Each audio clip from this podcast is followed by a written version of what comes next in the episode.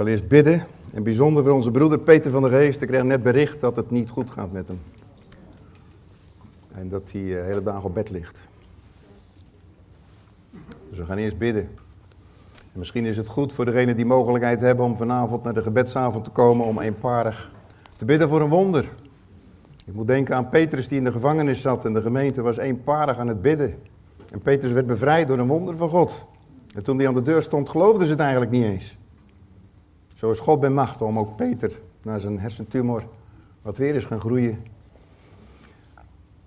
toch te genezen. Tegen alle gedachten en menselijke gedachten in. Vader, dank u wel dat we bij u mogen komen om hulp, om troost, om moed, om kracht. En bijzonder bidden we dat voor onze broer Peter. Heer, dat u uw hand genade naar hem uitstrekt. Dat u hem nog jaren van leven geeft. U zegt zelf, Heer, bid de Heer van de oogst dat die arbeiders uitzenden. Heer, dit is een arbeider in uw oogst. heeft zoveel mensen uw evangelie verteld. Heer, we bidden dat u hem nog een jaren bij ons houdt. Heer, voor u is niets te wonderlijk. Voor u is niets te wonderlijk. Heer, daarom bidden we dat u uw hand uitstrekt. Dat u uw goddelijke kracht in zijn lichaam laat stromen en de kanker doet verdwijnen. We bidden ook voor Rina. Heer, die naast hem staat. Geef haar bijzondere kracht. Heer, om bij Peter te staan. Om het aan te zien. Om het aan te horen. Heer, geef haar moed en geef haar kracht en geef haar geloof. Heer, wanneer de stormen woeden en woelen om haar heen. Heer, dat u haar vasthoudt. Heer, soms zijn er tijden dat we zelf niet weten wat we moeten bidden of spreken, maar dan pleit de Heilige Geest met onuitsprekelijke verzuchtingen. Heilige Geest, dank u dat u bidt en dat u kracht geeft. Heer, open ook uw woord deze morgen. Heer, laat ons zien wie u bent. Of in ieder geval een stukje ervan. Heer, u bent zo groot, zo overweldigend, want u was, u bent en u zult komen. We zien uit dat u komt. Met de machtigen die ons voorgegaan zijn. We zien uit, Heer Jezus, naar uw wederkomst. U de Messias van Israël. U de Zoon van God. U het lam dat de zonde der wereld wegneemt. U de grote koning. Heer, we zien uit naar uw komst. Heer, de wereld staat in brand. Er is er maar één die de wereld kan redden. Heer, geen enkele president of verbond van staten. Alleen u, Heer Jezus Christus, kan deze wereld redden. Daarom bent u redder en verlosser. Dank u wel voor die titel in Jezus' naam. Amen. Het is uh, een bijzondere dag vandaag voor mij. Want wat gebeurde er precies een jaar geleden?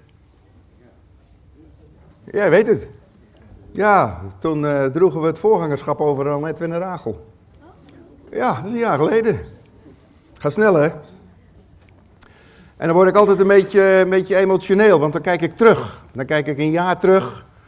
Maar als ik terugkijk, dan kijk ik niet een jaar terug, maar ik kijk ook 17 jaar terug. Toen deze gemeente begon.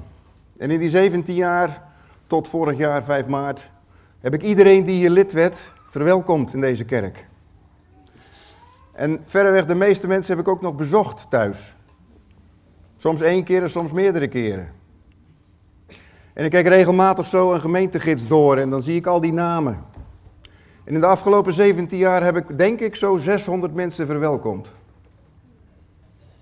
Maar ik mis ook 300 mensen na 17 jaar. En ieder mens die ik heb mogen verwelkomen, dat geeft blijdschap en liefde en vreugde in mijn hart. En ieder mens die ik mis na 17 jaar, geeft pijn en verdriet in mijn hart.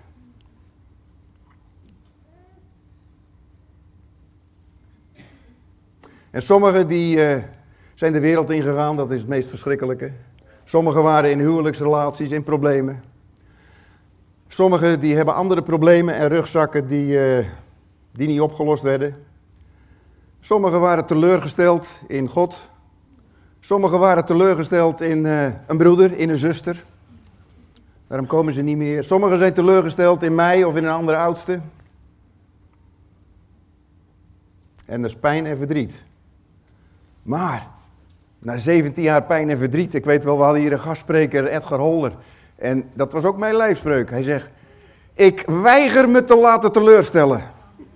En ik hoor wel eens mensen die dan zeggen, oh, het is toch wel erg hè, wat die dieren, die, ja dat is erg, dat is erg, ja, ja, ja. Maar Machteld zegt ook wel eens, als wij een boek van de afgelopen 35 jaar, want voor 17 jaar Steenbergen was het 18 jaar Tolen. Als wij een boek zouden moeten schrijven over teleurstelling, zou die misschien zo dik zijn.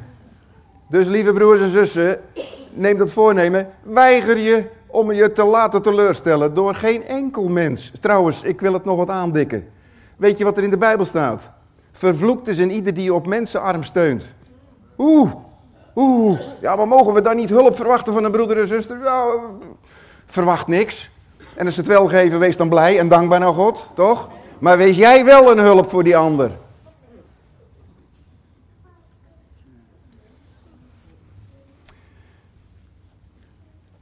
En dan soms dan, uh, dan denk ik, ja, wat, wat hebben we onderwezen de afgelopen 17 jaar? En de titel, mag ik een titelplaatje?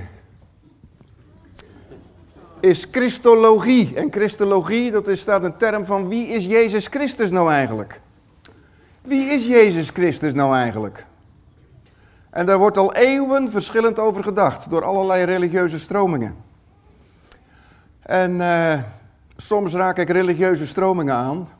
En vanmorgen zou dat ook wel kunnen zijn, want ik ga iets zeggen waar miljoenen mensen, religieuze, serieuze religieuze mensen, het niet met mij eens zijn. Miljoenen zijn het niet met mij eens als ze deze preek horen. En misschien jij ook wel niet. Dus ik hoop dat u voldoende liefde voor me op kan brengen om te blijven zitten tijdens deze preek. Maar ik weet ook dat 2 miljard mensen ongeveer denken wat ik denk. Stelt u misschien te rust. Maar miljoenen niet. Maar er was eens. Vier kinderen en die hadden ze een blinddoek omgedaan. En die kinderen hadden nog nooit een olifant gezien. En ze namen hem mee naar de dierentuin. En het ene kindje zetten ze bij zo'n been neer van een olifant. Het andere bij een staartje. Een volgende bij de slurf. En een vierde bij die flaporen. Blinddoek, geblinddoekt. Toen namen ze de kinderen mee naar een zaaltje. Deden ze de blinddoek af. En toen zeiden ze, vertel eens, hoe ziet een olifant eruit? En de ene die zei, nou dat is een dikke boomstam. Hij beweegt een beetje, maar een dikke boomstam, kan je zo je arm omheen doen? Nee, zegt die andere, het is een zweepje, het is een stokje, daar kan je mee slaan. Gaat heen en weer. En de volgende die zei, nee hoor, het is een heel groot blad van een boom en dat wappert een beetje, wind. Nee, zegt die andere, het is een slang, die, die, die krult een beetje. Wie had er nou gelijk? Allemaal en geen van allen. Want je doet een olifant tekort als je zegt dat hij maar een stokje is, toch? Zo is het vaak met christelijke theologie ook. Wij weten allemaal hoe het zit. Wij zijn de kerk van de boomstammen. Nee, wij zijn de kerk van de kronkelende slangen. Ja. Weet je, in de kerkgeschiedenis, zo rond het jaar 325, was er een kerkvader die heette Arius. Kent iemand Arius? Oh, kijk, een beetje bijbelgetrouwe studenten. En Arius die leerde eigenlijk van ja, Jezus is Messias. En dat betekent dat hij in de Joodse verwachting gewoon de Messias is. Hij komt ons verlossen van de Romeinen. Hij is een mens, maar wat meer dan een mens en hij komt ons redden. En toen was er iemand anders, die was het er niet mee eens. Wie was dat? Dan moet je ook die andere kennen. Als je Arius kent, moet je ook Athanasius kennen, toch? Want Athanasius was de bisschop van Alexandrië. Een kerkvader van zowel katholiek als protestanten, dus van het hele christendom. En die zei, nee, nee, nee, nee, Jezus is uh, God ook. Want je hebt de Vader, je hebt de Zoon en je hebt de Heilige Geest. Zo komt het in het woord van God tot ons. En wij geloven in een drie-enige God. Maar door de jaren heen zie je ook in onze tijden dat er groepen mensen zijn, heel serieuze mensen, die, uh, die ook zeggen, nee, Jezus... Uh, Jezus staat wel in ons dikke boek, in de Koran, maar hij eh, zegt niet dat hij God is of de Zoon van God. Miljoenen mensen zeggen dat Jezus niet de Zoon van God is. In die moskee in Jeruzalem, daar staat op de muren zo, God heeft geen zoon. Zeg niet dat God een zoon heeft. Zeg helemaal niet dat, dat Jezus God is. Trouwens, er is een hele grote groep, dat is het Joodse geloof. En uh, ja, die zei de 2000 jaar terug al van, uh, hij, hij maakt zichzelf God. En daarom moest hij sterven, omdat hij zegt dat ik ben God. Dus Joden geloven zeker niet dat Jezus God is. Nee, dat hij een bedrieger is.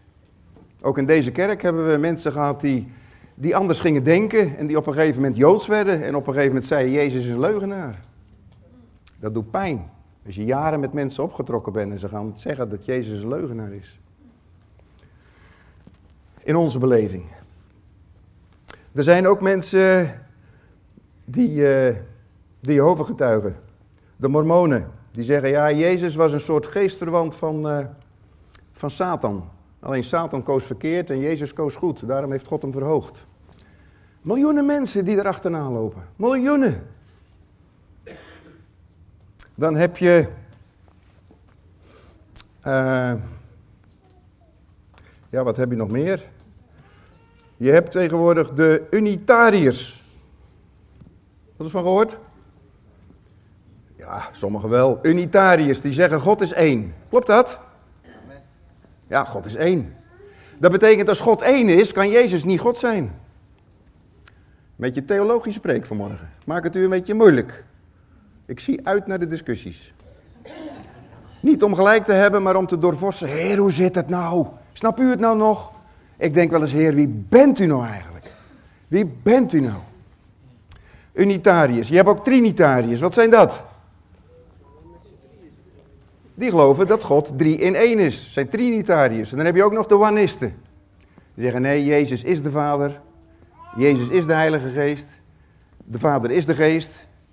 De Geest is Jezus. Maak nou niet zoveel onderscheid, het is gewoon God. Nou.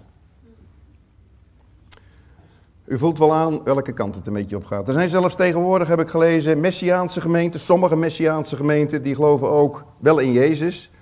Maar die geloven meer op de Joodse manier dat Jezus toch niet God is. Dan heb je ook vrijzinnige stromingen, die geloven dat al helemaal niet meer. Protestantse vrijzinnige groepen. Nee, dat Jezus God is, daar moet je niet mee aankomen. Hij is uh, voorbeeld, hij is een profeet, hij is een goed mens. Maar zegt niet dat Jezus ook God is. En in sommige charismatische groepen dringt dat ook een beetje door. Die zeggen, nee hoor, Jezus was ook een mens, net als wij. Dus als Jezus net een mens was als u en ik, dan moeten we dezelfde dingen doen die Jezus deed. Exact hetzelfde. Want hij deed het en wij volgen in zijn voetsporen. Dus als wij dat niet doen, doden opwekken en over water lopen en water in wijn, dan moet je twijfelen aan je geloof, want dan geloof je niet zoals het hoort. Dus je ziet de gedachte van Arius een beetje ook wel in allerlei kerkelijke stromingen doorcijpelen. Nou, dat snap ik ook wel, want in Filippenzen 2, vers 6, er staat, die hoewel hij God was, zich niet heeft vastgeklampt aan zijn goddelijke rechten. Integendeel, hij legde zijn grote macht en heerlijkheid af en kwam als dienaar in het lichaam van een mens. Volgende plaatje. Oh, wacht even, ik heb nog een plaatje ertussen. Ja, even tussendoor. Wie weet wat dit is? Huh? Nee, niet de melkweg. Melkweg is maar een klein stukje van dat ding. Dit is, een, een spiraalnevel. En die spiraalnevel zit vol met melkwegstelsels. En het melkweg zit vol met zonnestelsels. Wij horen bij één zonnestelseltje, dus ons zonnetje. Maar er zijn duizenden van die zonnestelsels waar wij in zitten, met manen en planeten. En die vormen met elkaar de melkweg. En er zijn er een heleboel melkwegstelsels met miljarden zonnestelsels. Die dan allemaal weer een galaxie vormen. Beetje astronomie deze morgen. Een galaxie bestaat uit heel veel spiraalnevels, met miljarden zonnestelsels, met miljarden melkwegstelsels, met miljarden, miljarden, miljarden, miljarden sterren. Wie heeft dat gemaakt? Hm? Ja, niet de foto. Hij zegt de mens. Dat heelal, wat geen begin heeft, geen eind heeft, oneindig is, onmetelijk is, nooit uit, dat uitdijt, zelfs volgens de wetenschappers, wat alleen maar groter wordt, kan niet, want dat is al zo groot. Wie heeft dat gemaakt? Nee. Jezus Christus heeft dat gemaakt. Jezus heeft alles gemaakt. Door God. God heeft Jezus alles laten maken. Dus als we het over Jezus hebben, is het de schepper van hemel en aarde. Wauw. Wauw, heeft hij zijn leven gegeven voor mij? Ja, degene die dat gemaakt heeft. Dit is de, dit is de macrokosmos. Dan gaan we even volgende plaatje, microkosmos. Even scheikunde. Wat is de definitie van een molecuul? Heeft iedereen lagere school hier? Kleinste deel van stof. Ja, kleinste deel van de stof. Met? Wie biedt? Met dezelfde eigenschappen van de stof. Ja. Dus het kleinste deeltje van de stof met dezelfde eigenschappen van de stof. Maar, Een molecuul bestaat weer uit onderdelen. Waar bestaat een molecuul uit? Atomen. En we dachten ooit het uh, ei van Columbus ontdekt te hebben. Een atoom is het kleinste deeltje van alle materie. Tot we erachter kwamen dat een atoom ook niet het kleinste deeltje is. Want een atoom bestond weer uit protonen en neutronen. En toen ontdekten we dat zelfs dat niet het kleinste deeltje is. Maar eromheen zwermt een zwerm van elektronen heet dat. Nou, wie heeft dat gemaakt? Ja, Jezus is de schepper van de microkosmos en de macrokosmos. Als ik dat bestudeer en zie hoe complex dat een menselijk leven in elkaar zit, dan denk ik wel eens, heren, wie bent u eigenlijk? Ik kan hem niet, niet, niet, niet vatten in mijn brein. Daarom dank ik God dat hij zich geopenbaard heeft door de profeten, door Israël, door de Bijbel, door met name zelf mens te worden hier op aarde en dingen te zeggen en op te laten schrijven. Wat dank ik God voor dat woord, want misschien ga ik hem een beetje begrijpen. Volgende is Filippenzen 2 vers 6. Die, hoewel hij God was, zich niet heeft vastgeklampt aan zijn goddelijke rechten. Hij heeft zijn grote macht en heerlijkheid afgelegd en kwam als een dienaar in het lichaam van een mens. Zichzelf ontledigd heeft, zegt een andere vertaling, de gestalte van een dienstknecht heeft aangenomen, aan de mensen gelijk geworden is. Herkenbaar als een mens vernederde hij zich en gehoorzaamde tot het uiterste, zelfs tot de dood aan het kruis. Was Jezus 100% mens? Was hij niet half mens, half God? Was hij 100% mens? Als je uit een vrouw geboren wordt, dan ben je wel mens, denk ik. Hij heeft uh, het helemaal zijn mensheid aangenomen. Hij was identiek aan een mens. Herkenbaar als een mens. Johannes 5, vers 19. Daar staat, Jezus dan antwoordde en zei tot hen, voorwaar, voorwaar, ik zeg u, de zoon kan niets eh, doen van zichzelf, of hij moet de vader zien doen. Want wat deze doet, doet ook de zoon, evenzo. Dus de vader en de zoon die zijn uh, een een tweetje, hij doet niks of hij moet het even overleggen. En toen dacht ik, ik probeer een aards voorbeeld te bedenken hoe vader en zoon nou met elkaar functioneren. En toen bedacht ik een voorbeeld. Ik ben wel eens verantwoordelijk geweest voor een patat frietfabriek in Bergen op Zoom. Vroeger reden dat friet door Nieuw en Westen. En daar hadden we een pitband. Weet je wat een pitband is? Er komt 4000 kilo aardappels per uur over rollen, allemaal gestoomschild en er zitten blauwe en zwarte plekken aan. En er staan er aan iedere kant van die band staan 10 mensen hier en 10 mensen daar. Die staan al die blauwe en zwarte plekken eraf te snijden. En dan maken we aardappelpuree vlokken van. En de rest maken we frietjes van, zodat er geen zwarte puntjes aan zitten. En dat in drie ploegen. Dus dat is drie keer 10 mensen, dat is 30 mensen. er zijn nog wel wat stoelen ergens, hè? In het, het kantoortje. In het kantoortje staan nog stoelen. Pak die er even bij. Nou, hier staan ook nog stoelen. Oh, hier twee. Kom. Nou ja. Je... Ah, met je friet. Oké. Vroeger noemden ze me altijd patat. ja. Nou, tien mensen aan die pitband. Dus keer uh, drie ploegen. Dat is uh, eh, 30 mensen. Nou, dat kost heel veel per jaar. Dus ik heb ooit een ADR aangeschaft. Een Automatic Defect Remover. Die ieder frietje pakt, individueel stukje afsnijdt. Het zwarte puntje weg. En dan gaat hij weer door. Leuk werk. Maar toen dacht ik, stel je nou voor, de eigenaar heette Anton. Anton.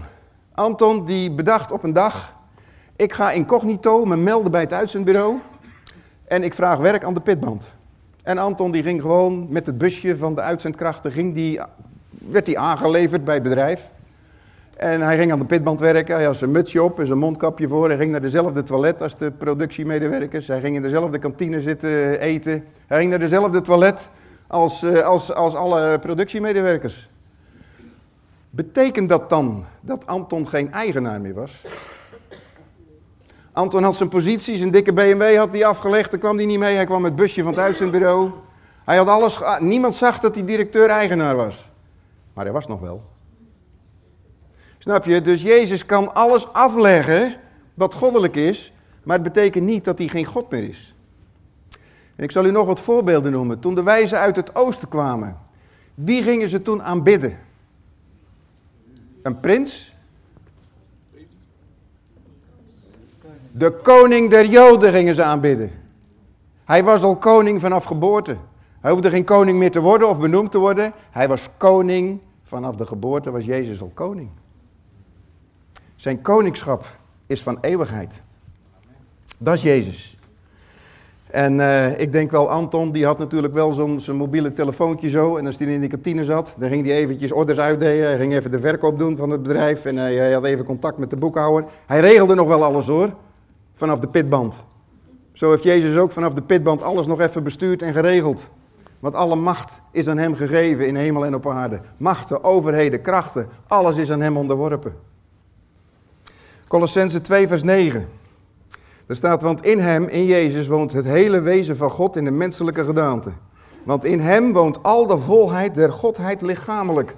Hoe kan ik me toch voorstellen dat de schepper van het universum, de schepper van atoomkracht, dat, die, dat heel die kracht in een menselijk wezen is gepropt? Heel de volheid van de drie-enige God is lichamelijk gepest in een mens. Dat lees ik eruit. U mag het anders lezen. Ik hoor het nog wel naar de dienst. Johannes 20, vers 28. Thomas antwoordde, zei tot hem, toen die, toen die zag wie Jezus was. Hij zegt, mijn Heer en mijn God. Hij laat zich God noemen door Thomas, een van zijn volgelingen. En uh, Jezus vroeg een keer aan, uh, aan de discipelen, wie zeggen de mensen dat ik ben? Nou, een profeet, uh, Johannes de Doper, had allerlei woorden ervoor. Maar wie zeg jij dat ik ben? En dat is mijn vraag ook aan u. Wie zegt u wat Jezus voor u is? We zullen allemaal een keer die antwoord moeten geven. Wie is Jezus voor jou? Johannes 20, vers 28. Ja, dat lezen we net. Mijn Heer en mijn God zegt hij. Jezaja 9, vers 6 en 5. De profetie over Jezus voordat hij geboren werd. Er staat, want een kind is ons geboren. Een zoon is ons gegeven en de heerschappij rust op zijn schouder. En men noemt hem zijn naam wonderlijk, raad, sterke God, vader der eeuwigheid, vredevorst. Zo werd Jezus al aangekondigd dat hij geboren zou worden. Hij werd geboren als vader der eeuwigheid, als sterke God, als wonderlijke raad. Heerschappij is op zijn schouder. Dat is Jezus al die tijd, terwijl hij hier op aarde aan de pitband rondliep. Johannes 1 vers 1, in het begin was het woord, dat is Jezus, en het woord was bij God en het woord was God. Als ik dat lees, dan denk ik, ja, waar doet mij dat aan denken? In het begin was het woord. En het woord was bij God en het woord was God. Dan moet ik denken aan welk woord? Denk u, eh, ja, dat is altijd lastig hè, om de gedachten van een ander te denken. Maar ik moet denken aan Genesis 1. God sprak een woord. God sprak een woord. Hij zegt, er zij licht. Als God spreekt, dan gebeurt het, dan materialiseert dat in het heelal. God spreekt. De stem van God is dus Jezus. Dat is het woord wat uit de mond van God uitgaat. Hij is het spreken van God. Want u hoort mij nu praten. Maar wat hoort u nu eigenlijk? Hoor u nu lucht die ik in trilling breng? Dat uw oor ingaat en wat omgezet wordt door die trilhaartjes, dat u weer signalen naar de hersenen krijgt en dan nog verstaat wat ik zeg ook? Hoor u dat? Of hoor u mijn stembanden? Wat hoor je nou eigenlijk? Of hoor je gewoon Ad van de Wiel? Wie van de drie hoort u nou? Ja, ik denk wel eens, Heer, het woord, daar bent u. U, u, u, u spreekt, u, u leeft, u spreekt door een lied, u spreekt door een omstandigheid, u spreekt door, soms door ziekte. In het eerste begin was Christus er al. Hij was bij God en was zelf God. Alles ontstond door zijn woord. Zonder hem is niets ontstaan. Al het bestaande heeft hij gemaakt. In hem is eeuwig leven. En dat leven is het licht voor de mensen. Ja, hij was God. Hij, hij is God. Nog een vers, Matthäus 1, vers 23. Zie de maat zal zwanger worden en een zoon baren en men zal hem de naam Emmanuel geven. Dat is vertaald God met ons. God is afgedaald op deze aarde. De schepper van het universum, de schepper van het atoom, is afgedaald in mensenvorm in Jezus Christus. Hij heeft hier rondgelopen en hij is weer teruggegaan naar de hemel. Nog een vraag. Waar is de hemel? Andere dimensie. Andere dimensie. Wij hebben lengte, breedte, hoogte, tijd. Nou, dan komen er nog een paar dimensies bij. God heeft wel tien dimensies. God, die, God, God, God is universeel vanaf de verste ster, 4 miljard lichtjaren hier vandaan tot, tot hier in deze ruimte, tot in je hoofd. Daar is God. God heeft een andere dimensie. Een paar dimensies meer dan wij. God kan ook terug in de tijd. God kan ook voortgaan in de tijd. God weet al in de tijd. Ik heb het u wel eens verteld, hè, dat ik wel eens bad voor een bankje ergens. Mag, dat was zo moe, we waren op vakantie. Oh God, laat er een bankje staan.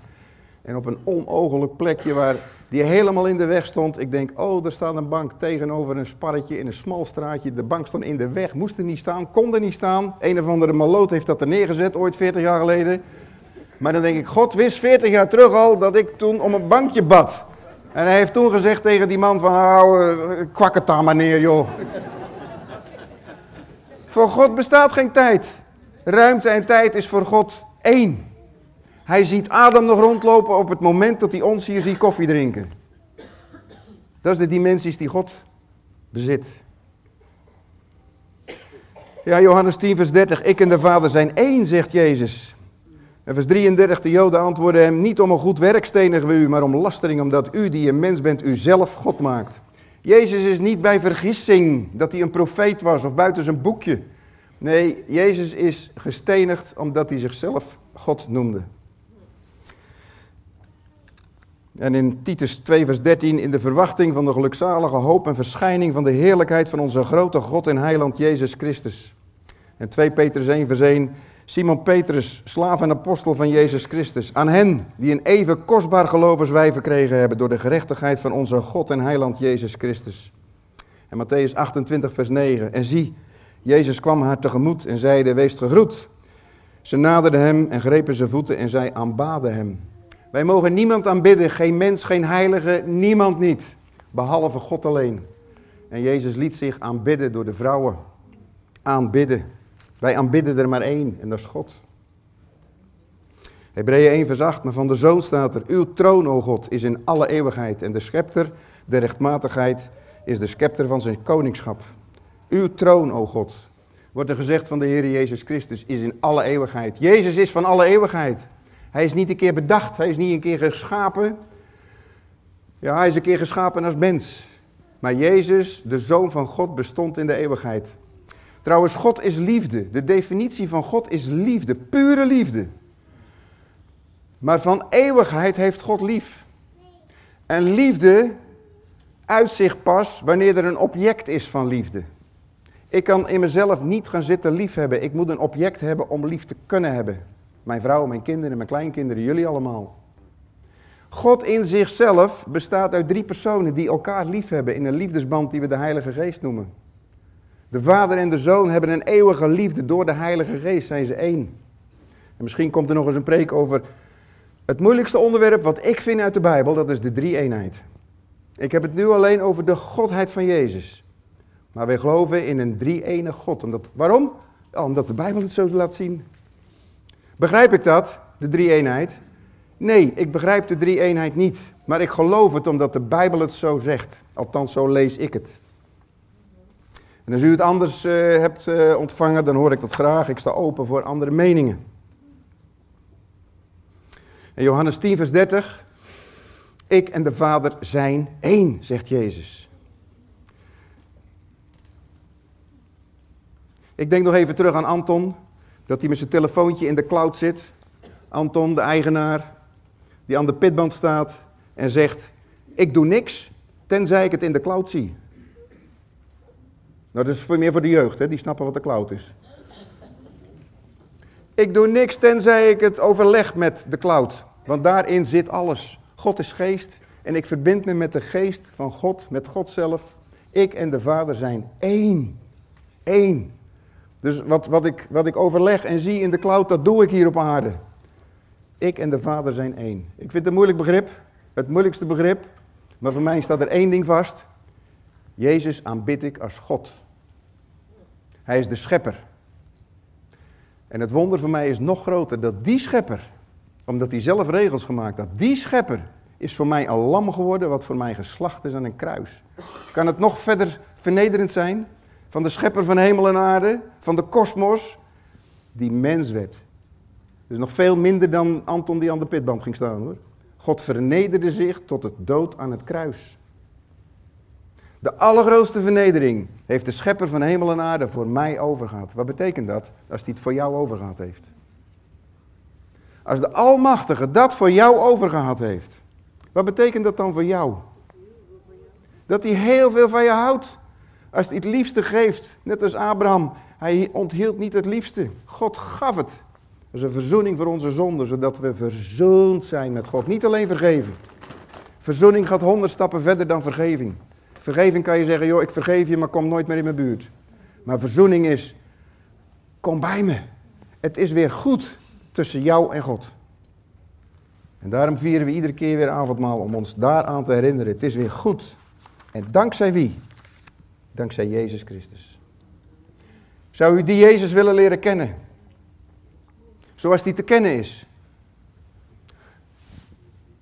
Mijn, hersenen barsten uit elkaar als ik er dan denk wie die is in het heelal. Maar die God, die wil zich openbaren in je hart. Dat is niet te verklaren, dat is niet te zeggen. Degene die ooit een kind ter wereld hebben mogen zien komen of een kind eh, mogen krijgen, die weten wat het is om liefde voor iemand te hebben die je nog nooit gezien hebt. Die ervoor niet bestond. Dat is liefde in de meest pure vorm. En God wil jou die liefde geven in je hart. Dat kan ik niet omschrijven. Dat kan ik niet geven. Kan je niet kopen, kan je niet studeren. Er is maar één manier, dat is zeggen, Heere God, wie u ook bent. U bent de machtige, u bent de schepper, u bent, u bent de kosmos, u bent... Ah, wie bent u eigenlijk, Heer? Maar kom in mijn leven. Ik wil u leren kennen. Ik wil u leren kennen. Hier ben ik Ad, hier ben ik Anton. Ik wil u leren kennen. God openbaar uzelf. Er is er maar één die zich kan openbaren en dat is God zelf. En wanneer doet hij dat? Wanneer jij erom vraagt. En bij sommigen doet hij het wel zelfs als je er niet om vraagt. Dat is Gods soevereiniteit. Die pakt hij zomaar. Dat mag God doen, want hij is schepper van hemel en aarde. Zullen we danken. Vader in de hemel, u hebt zich bekendgemaakt. Ten laatste zegt uw woord door uw zoon. Door in uw zoon mens te worden, om onder ons te tabernakelen, te wonen, te verblijven in ons midden. U wil communicatie, Heer, u bent een God van relatie. Net zoals u ons gemaakt hebt. Wij kunnen niet zonder relaties. Heer, we kunnen niet zonder liefde. Daarom komen we bij u terecht, de bron van alle liefde. De bron, de oorsprong van al wat leeft. De oorsprong van werkelijke aanbidding. Heer, leer ons wat aanbidding is, Heer. Om dat offer te brengen wat het meest kostbaar in ons leven is, om het aan u te geven. Om het aan u af te staan. Heer, om uw woord te gehoorzamen als u ons iets vraagt om dat, om dat te doen. U hebt gezegd tegen Abraham, nu weet ik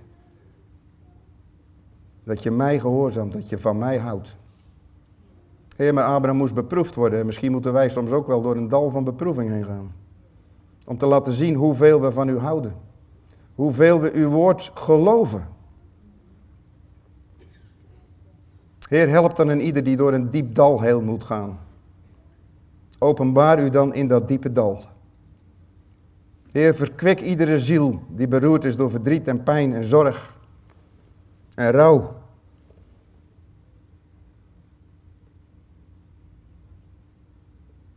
Heer, we willen aanbidders zijn in woord en in daad. In geest en in waarheid. Leid ons dan, Heer, op een dag van aanbidding.